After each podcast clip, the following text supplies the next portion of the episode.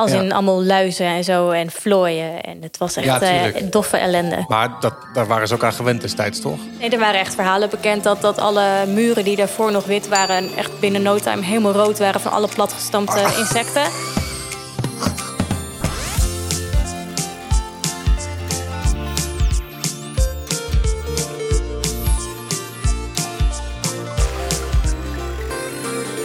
Hallo en welkom bij aflevering 8 van Kwesties Seizoen 2. De podcast van het grootste populair wetenschappelijke tijdschrift van Nederland.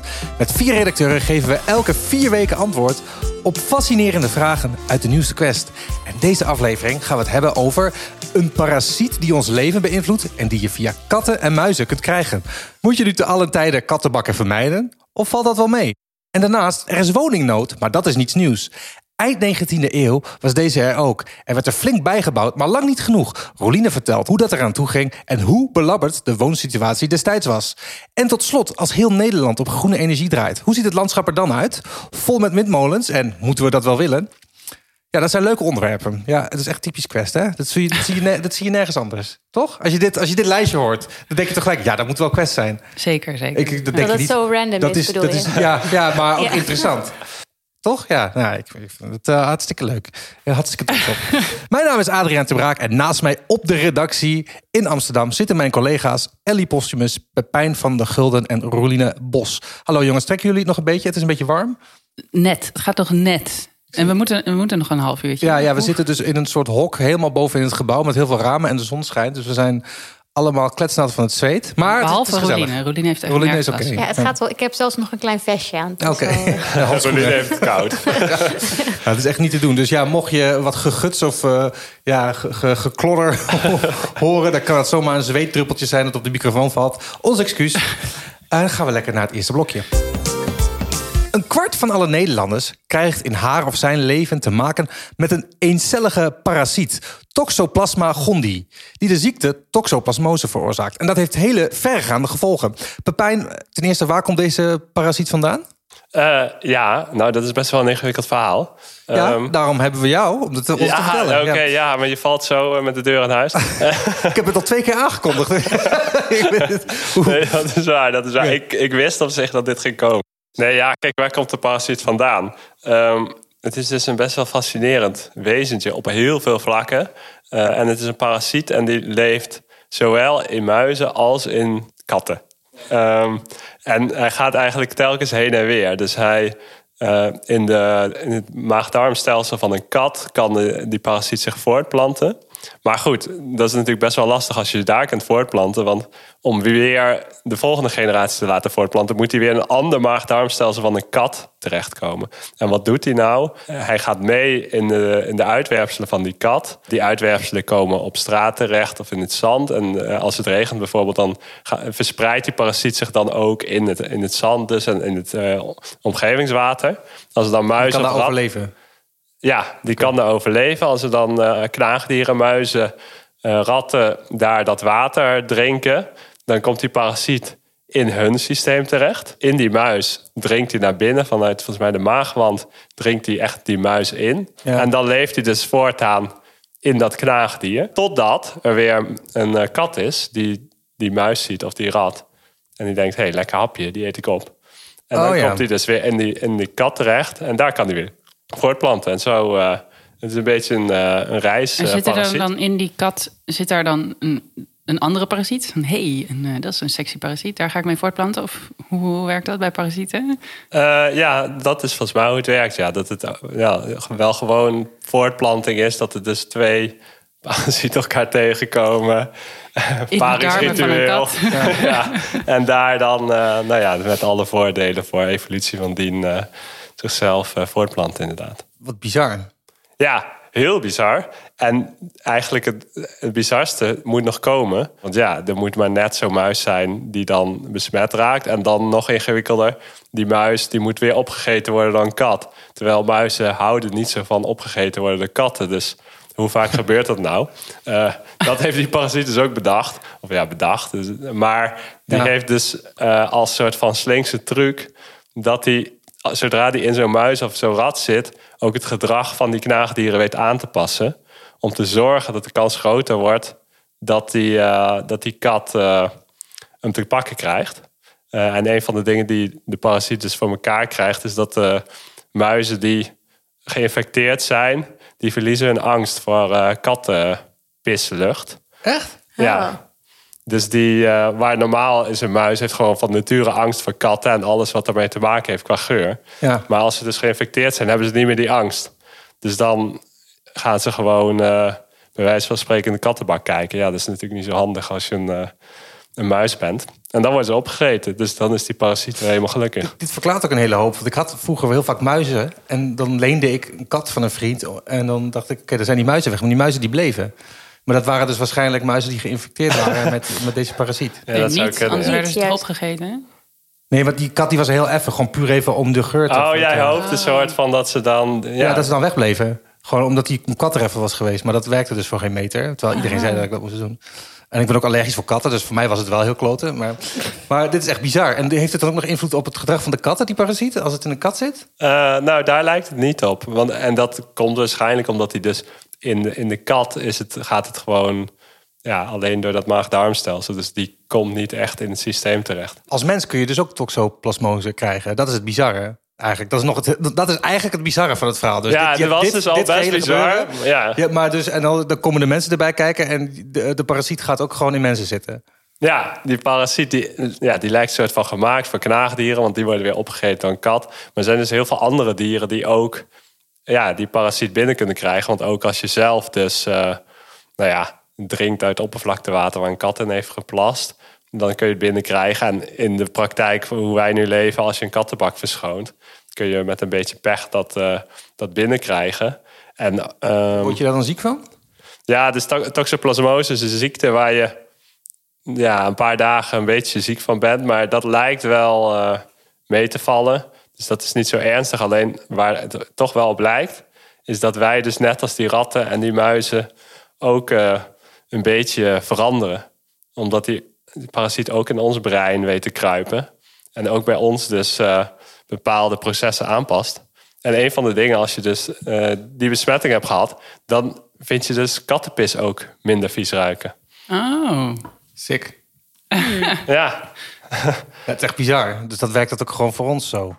Ja, nee, dat, dat is echt heel bizar. En want wat wel belangrijk is er nog om te zeggen... dat ook bij muizen uh, en ratten is het niet alleen die geur die verandert... maar ook ze worden wat roekelozer. Of althans, roekeloos is een beetje een raar woord. Maar ze worden wat uh, nieuwsgieriger.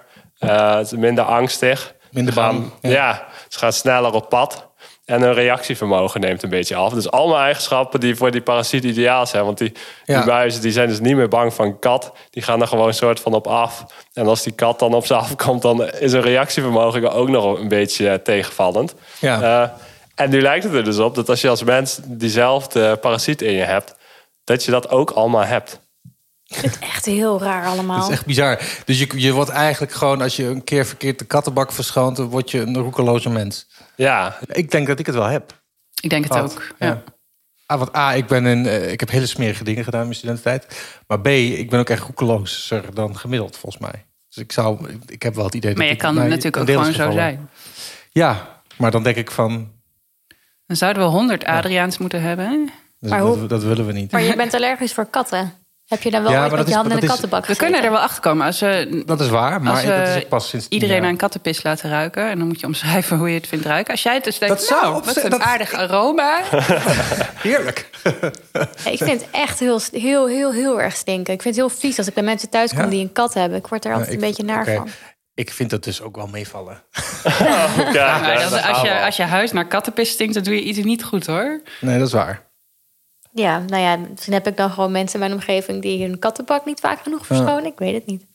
Maar ik vind kattenpis gewoon echt heel Ja, erg misschien stinken. ruikt mijn huis ook wel naar kattenpis, maar ruik ik het dus. Dat kan dus ook nog. Heb jij zelf toxoplasmose, denk je, Pepijn? Nou, Je, je ehm, lijkt me best wel een eh, niet roekeloze jongen.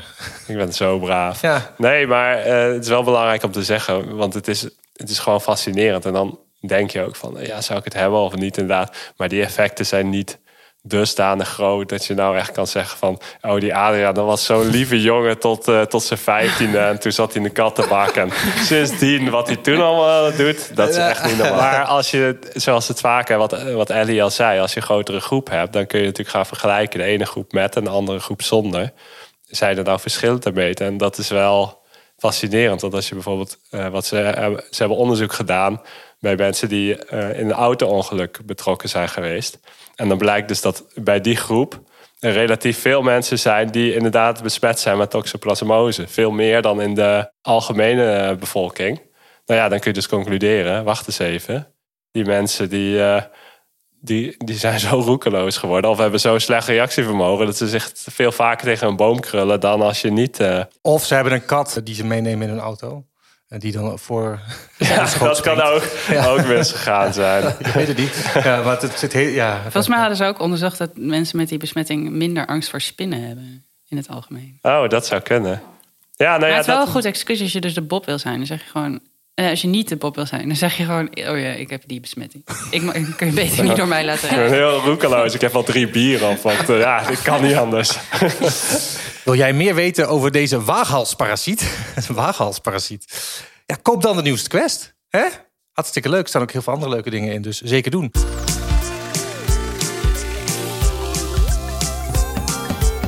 Bij Quest kun je ook een cursus bouwstijlen volgen. Roeline heeft deze cursus gemaakt en is nu dus specialist op het gebied van architectuur. Hallo, leuk, leuk dat je nu ook dat kan. Ja, leuk, hartstikke leuk. Ja. Een van de onderdelen van die cursus is de 19e eeuw. En dat is wel interessant, want destijds was er ook een woningnood. Net zo als nu. Het is best wel vergelijkbaar, toch? Als je kijkt naar hoe de situatie nu is en destijds. Ja, nee, klopt. In de cursus inderdaad hebben we twee hoofdstukken over hoe, je, uh, hoe mensen woonden en zo. Ja. Dus niet alleen over de buitenkant, maar ook dus de binnenkant. Ja. Uh, en een onderdeel daarvan is inderdaad de 19e eeuw. Uh, eind 1800, begin 1900, vooral die periode. Want toen kwamen er vet veel mensen vanuit het platteland... die naar de stad toe gingen uh, om daar werk te zoeken... en nou, een beter leven op te bouwen, was het idee natuurlijk. Ja. maar dat, dat liep niet helemaal zoals gepland. Want? nou, um, er werden wel superveel woningen bijgebouwd om die enorme stroom aan mensen uh, op te vangen. Alleen er waren tien keer zoveel mensen die een plekje nodig hadden dan woningen die erbij werden gebouwd. Oh. Dus het werd echt overvol. Dat we dringen. Uh, ja. ja. Uh, en uiteindelijk waren er heel veel pandjesbazen en huizen-eigenaren die alles op gingen splitsen in allemaal kleine ruimtes. Dat doen we nu natuurlijk eigenlijk nog steeds. Ja. Dat is herkenbaar. Ja, heel herkenbaar. Um, maar daardoor gingen de huizenprijzen echt met 30% omhoog. Er was er alsnog vet veel woningnood. En sliepen er soms wel acht mensen in een ruimte van 15 tot 25 vierkante meter. En dat was ook echt maar één ruimte. Dus je had, daar deed je alles. Uh, poepen, plassen, uh, slapen. Dus je zat alles. met acht, acht mensen? In het ergste geval, ja. Op een, in een ruimte van 20 vierkante meter, met, waar ook een wc in zat en een keuken. Nou, nou ja, wc en emmer waar je je behoefte nou, op deed. Klinkt ja. wel als iets grotere woningnood dan nu nog. Maar... Ja, ja, en de omstandigheden waren wat uh, minder prettig. Als ja. in allemaal luizen en zo en vlooien. En het was echt ja, uh, doffe ellende. Maar dat, daar waren ze ook aan gewend destijds, toch? Nee, er waren echt verhalen bekend dat, dat alle muren die daarvoor nog wit waren... echt binnen no time helemaal rood waren van alle platgestampte ah. insecten. Um, dat, het was zelfs heel gebruikelijk dat, de, dat, je, dat je maar buiten ging slapen als het zomer was. Dus dan sliepen ze maar in een kruiwagen, want dat was comfortabeler dan binnen in je luizen bedstee. Um, daar werden wel vaak de kinderen gedumpt, overigens. Die mochten dan daar slapen. En de ouders hingen dan zo in de vensterbank, zo uit het raam, een poging nog wat te slapen.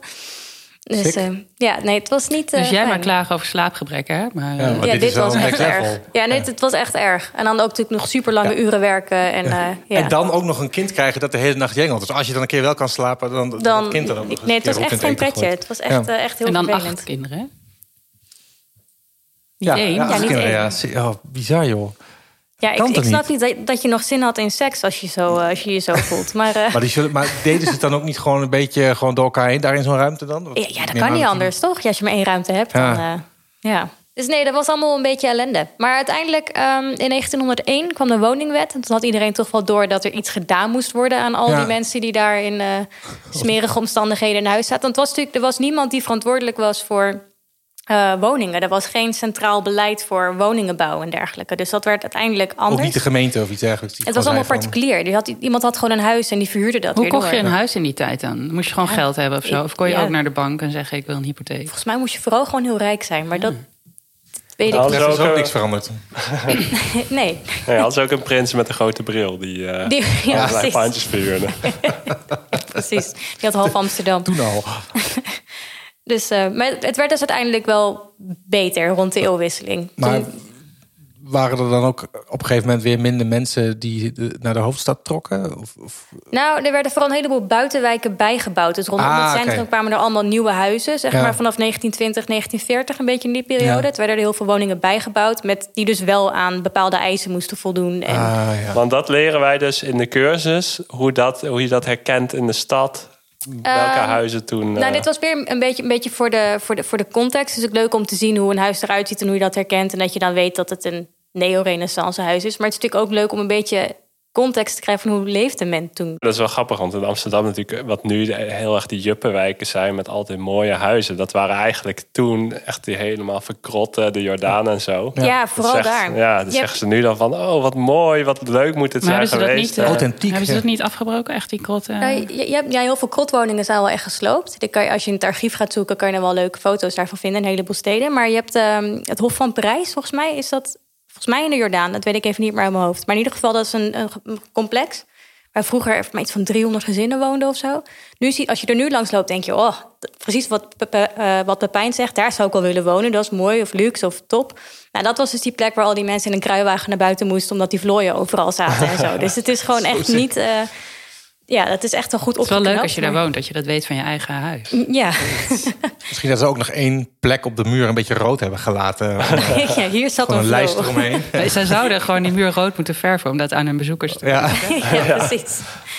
Jezus, wat goor zeg. Dat is ook echt een, een beeld dat je niet zo snel meer uit je hoofd krijgt. Nee. Nee, het is echt smerig. Ja, wel vet. Wel interessant hoe dat eh, destijds aan toe ging. En de cursus gaat dus ook over allerlei andere bouwstijlen Ja, door de jaren heen. ja, we Ja, wat behandelen, leren we? Nou, we behandelen tien bouwstijlen van 1820 ongeveer Ja. tot eh, 1965. Ja. Eh, dus dan heb je tien hoofdstukken over hoe herken je bouwstijlen... met echt supermooie illustraties ook. Dingen die in Nederland te zien zijn. Ja, alles in Nederland. Ja, ja, ja, zeker. Dus ehm, ja, na het einde van de cursus kan je dus gewoon tien bouwstijlen eigenlijk best wel goed herkennen. Eh, Dat is en echt dus- leuk als je dan op straat loopt dat je denkt... hé, dat is die en dat is die. Precies, ja, dat is echt leuk. Dat doe ik zelf nu dus ook de hele tijd. Dus dat is echt top. Echt een heel vervelend mens geworden nu. Ja, dat, dat, dat was Allemaal al. mensen aanspreken op straat van... hé, zie dat? Zie je dat? Dat is... Ja, ja lachen. Ja, nee, superleuk. En, en dus met heel veel geschiedenisverhalen Ja. erin. Dus dat je dat ook Ja. een beetje snapt waarom kwam die bouwstijl op en hoe dan. En eh, welke architecten deden dat dan. Dus, dus je leert echt eh, heel veel. Nice, oké. en nou. ook over de inrichting. En Wil jij als luisteraar alles leren over de bouwstijlen tussen, wat was het? 1820 en 1965. 1820 en 1965. Ga dan naar shop.quest.nl slash bouwstijlen. Want daar kun je de cursus volgen, toch? Zeker.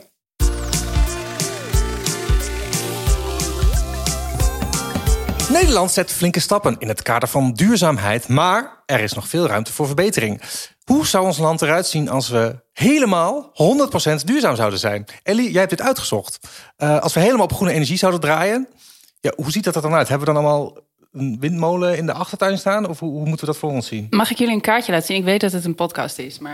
Laat ons een kaartje Heeft zien. de luisteraar dus helemaal niks aan. Maar we gaan het Het is een kaartje van. Nederland met Ja. een stuk van onze, of onze hele ja. zee erbij. En dat, dat gearseerde gebied op land is ongeveer een vijfde van Nederland. En in zee 2,5 keer zoveel. Zouden windmolens zijn. Ik vond dat ik schrok me rot toen ik dat zag. Oh ja, dat is echt vrij weinig. Weinig? Weinig, ik vind het juist Ik vind het veel. best wel veel. Een vijfde van Nederland, dat, dat, daar staan nu toch ook huizen en zo. Dat, dat, dat, dat gele vierkantje. Nee, dat zijn Nee. zonnepanelen. Nee, dit, Oh, eh, oké. Oh, maar dit is samen. Dus, dus, Dus zowel- dit is op zee. Op zee is heel veel. En Ja. dit is op het land. Maar als je die, zowel dat grote rechthoekje als dat gele vierkantje samen, dat, dat moet je samen nemen. Of kan het allebei apart? Nee, de- dan komt er nog een klein stukje zon bij. Ongeveer de helft van provincie Utrecht of zo. Dat is Eh, veel. Ja, dat, is heel sorry. veel. Dat is schrikken. Ja, dat is zeker. Maar dat is ongeveer Dat ja, is, Drenthe en Groningen samen qua oppervlakte, zeg maar. oh ja, dat vind ik heel moeilijk inschatten. Ja, maar Maar dit is dus wat, eh, wat er zo ongeveer zou zijn als we nu over zouden gaan. Alles op Ja. groene energie. En, maar dus eh, ook wat eh, in de industrie gebruikt wordt. En ook de energie voor Schiphol. En ook voor vrachtvervoer over zee en land. Dat is heel veel. dat is echt heel veel. Ja. En hoe moeten we dat dan zien, die windmolens? Want die, is- ja, die staan niet allemaal pal naast elkaar. Hoeveel ruimte zit daartussen? Oh, dat weet ik niet precies. Maar dit gaat nooit gebeuren. Want als je overgaat op groene energie... uh, word je vanzelf, ga je veel minder energie gebruiken. Omdat uh, duurzame of elektriciteit is veel efficiënter dan gas of benzine of weet ik veel wat. En ze weten ook niet. Kijk, dit is natuurlijk een proces. Het kan niet van vandaag op morgen. Maar als je dit gaat ontwikkelen, zeg over 20 jaar, dan zijn de windmolens en de zonnepanelen ook efficiënter. Dus we weten eigenlijk niet precies hoeveel er nodig is. Maar veel is het wel, maar niet zoveel als ik jullie net heb laten zien. Ja, oké, maar je kunt wel. Dit is meer een maximum, maar je kunt wel beginnen met bouwen eigenlijk. Als je uh, wil, als je dit wil. Ja, nee, dus er zullen uh, veel meer windmolens komen, maar die zijn ja. ook veel groter en veel efficiënter. En die komen vooral op zee. En er komen ook meer zonneparken bij. Um, maar ik heb dus altijd zo'n beeld van. Um, ik reed laatst ergens bij Deventer, zo'n zonnepark in een weiland met een huis ertussen. En toen dacht ik, oh, wat erg als je daar woont. Maar ik hoop dat die zonnepanelen van henzelf waren. Maar dit is zoals we het nu kennen, dat het gewoon zo'n uh, eentonig landschap is vol zonnepanelen. Maar het kan ook heel anders. Het kan ook samengaan met fruitteelt of met natuurontwikkeling. Daar zijn de meningen over verdeeld. Hoe dan? Uh, nou, als je zonnepanelen half hoog neer zou zetten bijvoorbeeld... dan heb je daar schaduw en zon. En dan kun je allerlei verschillende gradiënten krijg je dan. Verloop van temperatuur en uh, ja. zonlicht. En daar voelen meer planten zich in thuis en dieren dan in een grasland. Want dat okay. is echt monotone grasland. Dus dan zou je al een biodiverser landschap krijgen. En je kan het combineren met ontwikkelingen van nieuwe natuurgebieden. Je kan er bomen onder laten groeien. Je hebt zelfs systemen die van laag naar hoog kunnen. Dus dat je een boom 15 jaar kan laten groeien. Moet je natuurlijk niet helemaal dichtzetten. Ja. Maar dat die zonnepanelen schaduw bieden. En daar hebben die bomen dan baat bij. En dan kun je ze weer weghalen. En dan heb je een nieuw bos. Dus het kan ook heel oh. anders. Maar ik vond dat wel fascinerend. Eigenlijk een beetje omdenken. Ja, zo kun je het zien. Maar het kan dus ook helpen bij de ontwikkeling ja, van heel goed, ja. een natuur. Dat je gewoon gaat, gaat kijken van hoe kunnen we zoiets juist gebruiken. Biologische landbouw, zo ja. Maar waarom is dit niet veel breder bekend? Waarom zeggen ze niet gewoon, we gaan alles, niet alles, maar heel veel zonnepanelen Het kost natuurlijk neerzetten? meer geld dan gewoon zonnepanelen in een weiland plempen. Ja, dat is Als je, waar. en daar moet natuurlijk wel draagvlak voor zijn. Ja, en dat is er nu al niet echt natuurlijk. Tenminste, wel bij sommige mensen. Maar Ja. Ik merk wel wat weerstand als je Ja, op de social media kijkt dat- over windmolens. En Precies, maar dat is toch juist vanwege dat het eh, niet goed is voor de natuur en dat het lelijk is. Maar als je het heel erg eh, goed kan laten integreren in natuurgebieden en juist... Ja, je moet het natuurlijk niet bovenop de, je moet het dus niet in een natuurgebied zetten, maar je moet dus wat, eh, wat nu eentonig eh, agrarisch ja, landschap precies, is, ja. dat kun je verbeteren. Ja, Maar dan kan je natuurlijk geen koe meer opzetten en zo. Tenminste, die weilanden zijn nu, nu natuurlijk ook in gebruik voor schapen en koeien en zo. Nee, er kunnen schapen onderlopen, er kunnen vast ook wel koeien onderlopen. En er zijn nu een aantal fruittelers over op, eh, op fruit. Van het zachte fruit heb je vaak van die plastic eh, tunnels erboven om ze te beschermen tegen hagel en dat soort dingen. Maar dat kun je prima vervangen door zonnepanelen. Die kunnen daar wel tegen hagel kennelijk. En die geven ook schaduw, dus dan heb je en fruit en zonne-energie. Ja, ik weet niet, ik vond het allemaal wel... Klinkt wel vet. Ik dacht, oh, mooi. Jij bent wel om nu. Dat je Ja. denkt van... Nou, Nou, ik ben sowieso om, want ik wil natuurlijk duurzame energie. Maar Ja, als je ook. het zo kan combineren, dan vind ik het helemaal mooi. En plus alle onze daken en zo moeten ook gewoon helemaal vol zonnepanelen. Dat komt er al absoluut bij. ja. Maar, het Maar, is hoort- sowieso weegt het toch niet op tegen elkaar. Je mo- moet er gewoon duurzame energie hebben. We maken het nou uit als mensen dat een beetje lelijk vinden. Maar dat is natuurlijk een hele andere discussie. Maar ja. Of zeg ik dan niet Ja, heel da- da- kijk, ik kan me voorstellen als je zo'n windmolen in je achtertuin hebt en het is niet jouw windmolen en het maakt lawaai, dan vind je dat vervelend. Dat snap ik wel. Maar Ja, de grap is, dat als, het, als je mee kan investeren, zou je het niet vervelend vinden? Ja, misschien wel. Maar het gaat er ook vooral om dat mensen dan aan het klagen zijn... dat je zo'n windmolenpark op zee hebt en dat dat lelijk is. Of Oh ja, natuur, nou, maar je kan, eh, als je dus mee investeert in, in een windmolenpark, wat wel het idee is dat burgers dat meer kunnen gaan doen, Ja. eh, dan heb je minder last van zoiets. Want je denkt dan, hé, hey, ik, ik verdien nu geld. Als, als je Ja. dat geluid hoort. Of ze draaien en je ziet dat. Typisch. Ja, Geld. Nee, dan laat maar zitten. dan vinden we het Ja, allemaal ineens Dan oké. vinden we het helemaal oké. Ja, zo'n windmolenpark op zee, wat vind je daarvan? Op zee? Ja? Eh, ja, ik ervan? Ja, natuurlijk vind ik het niet mooi. Maar Nee, maar is dat zo? Tuurlijk, ik heb dus zelf... Maar goed, ik heb een beetje rare hobby's. Ik heb dus ook een keer geschreven over elektriciteitsmasten. En er zijn dus liefhebbers daarvan. En sindsdien denk ik... ja, eigenlijk is het ook best wel spectaculair. En dat vind ik eigenlijk ook wel gelden voor windmolens. Zo'n Ik heb hier nog wat enorme plaatjes voor machine. jullie. Daar moest ik wel om lachen. Er zijn dus mensen die bruidsfoto's bij eh, windmolens maken. bij windturbines maken, hè? In plaats van bij... Dit ga jij doen dan. Als ik ooit trouw, dan ga ik inderdaad voor zo'n machtig mooie turbine staan. Nou, ik moet wel zeggen, ik ben er wel aan. Ik denk dat ik het tien jaar geleden lelijker vond dan nu. Het is toch wel iets wat ook alweer... Als je het maar vaak genoeg ziet, dan Ja. valt het op een gegeven moment ook niet echt Daar ben ik op. het ook wel mee eens. Maar ja. ik hoor ook heel veel tegenstanders van windenergie heel erg klagen over dat het zoveel kost om een niet zozeer geld, maar heel, dat het heel vervuilend is om zo'n ding te maken Ja, of maar zo. Ja, als zo dat zou klassiek? zijn, ik- dat, dat, Ja, dat, dat- we blijft maar langskomen bij al ik die dat ik dingen. dat vind, maar ja, maar dat- het is gewoon atoombouw juist. Ik vind het zo vermoeiend. Er zijn best wel veel dingen te zeggen van moeten we dit nou wel willen? Qua inderdaad al die windmolens op land. Ja, dit is misschien niet mooi en herrie, maar het is wel gewoon aantoonbaar duurzamer dan dat we doorgaan met eh kolen in de fik steken. Dat is zo. Ja, maar wat denken die mensen dan? Dat, dat, dat, dat we dit zouden doen als het ook nog eens mm, vervuilender is. Gewoon omdat iemand bedacht heeft dat je daar geld aan kan verdienen. Ja, ik Ja. weet niet hoor. Geen idee. Dat, misschien dat nee, ze het dat leeft nog wel een beetje dat sentiment. Maar, Maar ik zie dat nog steeds heel veel voorbij komen. Als zo'n plan wordt gelanceerd, ik, ik zie de reacties al helemaal voor me, zeg maar. Ja, en de, en de hoe heet die dingen? De wieken die kunnen niet, niet gerecycled worden. Dat is wel een probleem. Ja, maar er is genoeg kritiek te hebben op, Oh ja. het- op de windmolens zelf. Maar we moeten een manier Maar verzinnen om precies, duurzame ja. energie op te wekken. Tenzij we allemaal willen dat de aarde ten onder gaat. Dat kan ook gewoon. Nou ja, het is een optie. Ja. Laten we wel zijn. Ja. Ik bedoel, liever in schoonheid ten onder dan voortbestaan in een eh, eh, omgeven door hele lelijke windmolens en zonnepanelen. Ja, dat is een optie. Het is vrijheid. Ja. Ja. Nou ja, zo'n verandering als er nu dan op komst is en eigenlijk al gaande is. We, we vinden dat allemaal heel groot. Maar ons hele landschap is eh, de afgelopen duizend jaar ook veranderd door hoe we energie gebruiken. Want eerst hadden we bos, dat hebben we allemaal gekapt om op te stoken voor energie. Daarna zijn we veen en turf gaan steken. En daar is, zijn allemaal polders en meren ontstaan. Eh, we hebben windmolens neergezet, die ouderwetse, omdat we mm, wouden pompen en meel wouden maaien. En nu vinden we dat allemaal fantastisch. Dat vinden we heel mooi. We gaan daar naartoe om naar te kijken. Terwijl dat ook allemaal veranderingen zijn, omdat we moesten stoken en energie nodig hadden. Ja. Ja, dus het klinkt ook eigenlijk ook logisch. Je hebt natuurlijk ook je omgeving nodig om energie te maken. Dus dat die verandert is natuurlijk niet zo gek. Ja, maar heel ingrijpend. Ja. En eigenlijk is dit gewoon de. Misschien wel stap. ingrijpender dan, dan een paar windmolens neerzetten, toch? Ik kan me voorstellen dat een heel meer creëren omdat je turf moet steken. Wat Ja, daar Dat- kun je dan is- vrij lastig wonen, bijvoorbeeld. bijvoorbeeld. maar misschien waren er toen ook wel mensen die zeiden van jongens, waar zijn we nou mee bezig? Ja, misschien zijn er wel turfprotesten geweest, dat weet ik niet. Ja, dat zou kunnen. Maar ja, daar, daarmee is nu toch ook gebleven dat die mensen eigenlijk gewoon ja, hun, hun mond hadden moeten houden. Want het, het was groot nodig.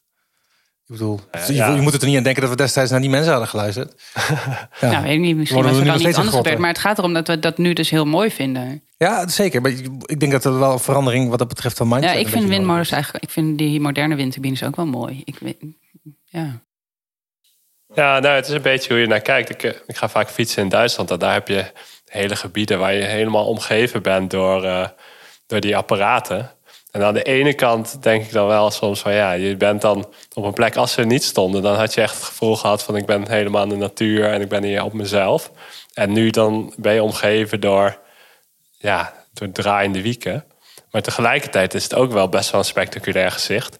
En ook wel dat ik dan denk van ja, dit is toch wel eh, zo, ja, het is toch een beetje de toekomst waar je dan bent. Dat vind ik ook wel iets moois hebben. Dat ik denk van, oh ja, zo zorgen we dat de aarde inderdaad blijft bestaan in plaats van dat het. eh, Ja, dat vind ik en wij zijn dan nog gelukkig... Wij hebben nog geluk dat we zoveel zee hebben.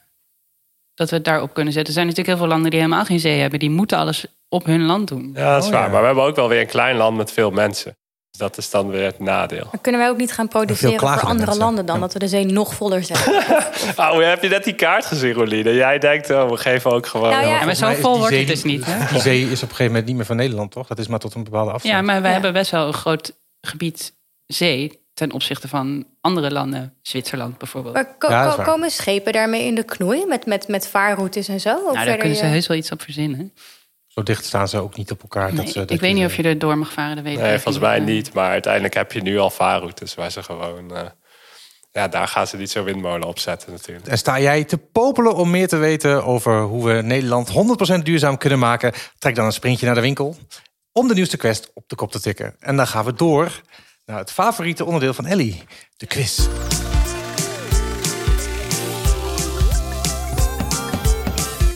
Vraag 1. Ehm, we hebben het net gehad over een parasiet die onder andere in muizen zit. En mijn vraag is aan jullie: hoeveel muizen zijn er volgens de schatting van het CBS in Nederland? Alle soorten muizen. Alle- Ja, niet elektrische muizen, gewoon de diertjesmuizen. 8 miljard. 7 miljard.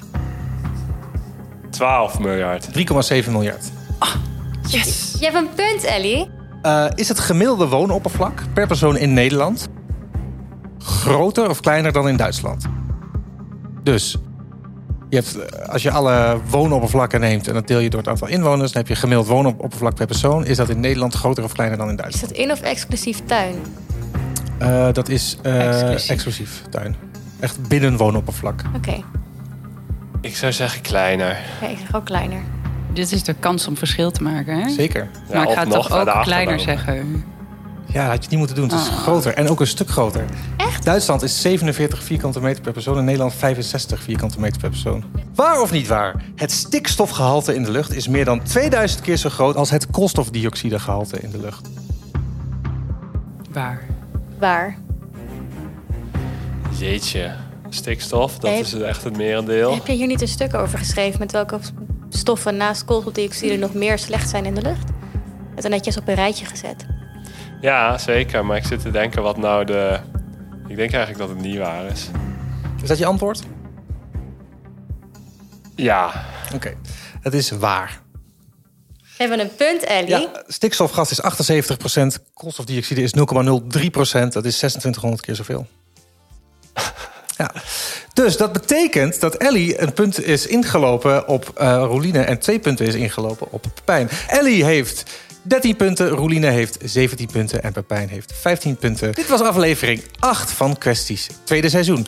Meer over de onderwerpen waar we het over hadden vind je dus in Quest 8 van 2022 en op quest.nl. Ze liggen in de winkel en op shop.quest.nl kun je een exemplaar kopen. Daar kun je je ook abonneren. Er staan zoals altijd weer hele interessante stukken in, zoals over dieren die goed kunnen springen. En wist je bijvoorbeeld dat er springende slangen zijn? En jawel, over de geschiedenis van het trottoir. Ik ben Adriaan de Braak en je hoorde ook Ellie Postumus, Pepijn van der Gulden en Roeline Bos. Vind jij kwesties leuk? Abonneer je dan snel. Laat een review achter en vertel het al je vrienden. Je kunt ons bereiken via Twitter.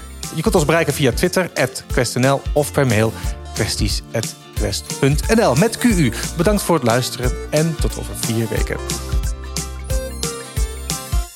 Moet je dan nu ten alle tijden kat? Moet je dan nu te alle tijden te allen tijden te alle Altijd. het is Ja, alle tijden, toch? te- ten alle Of is het te Het is, allen? het, het, is, het is te alle tijden.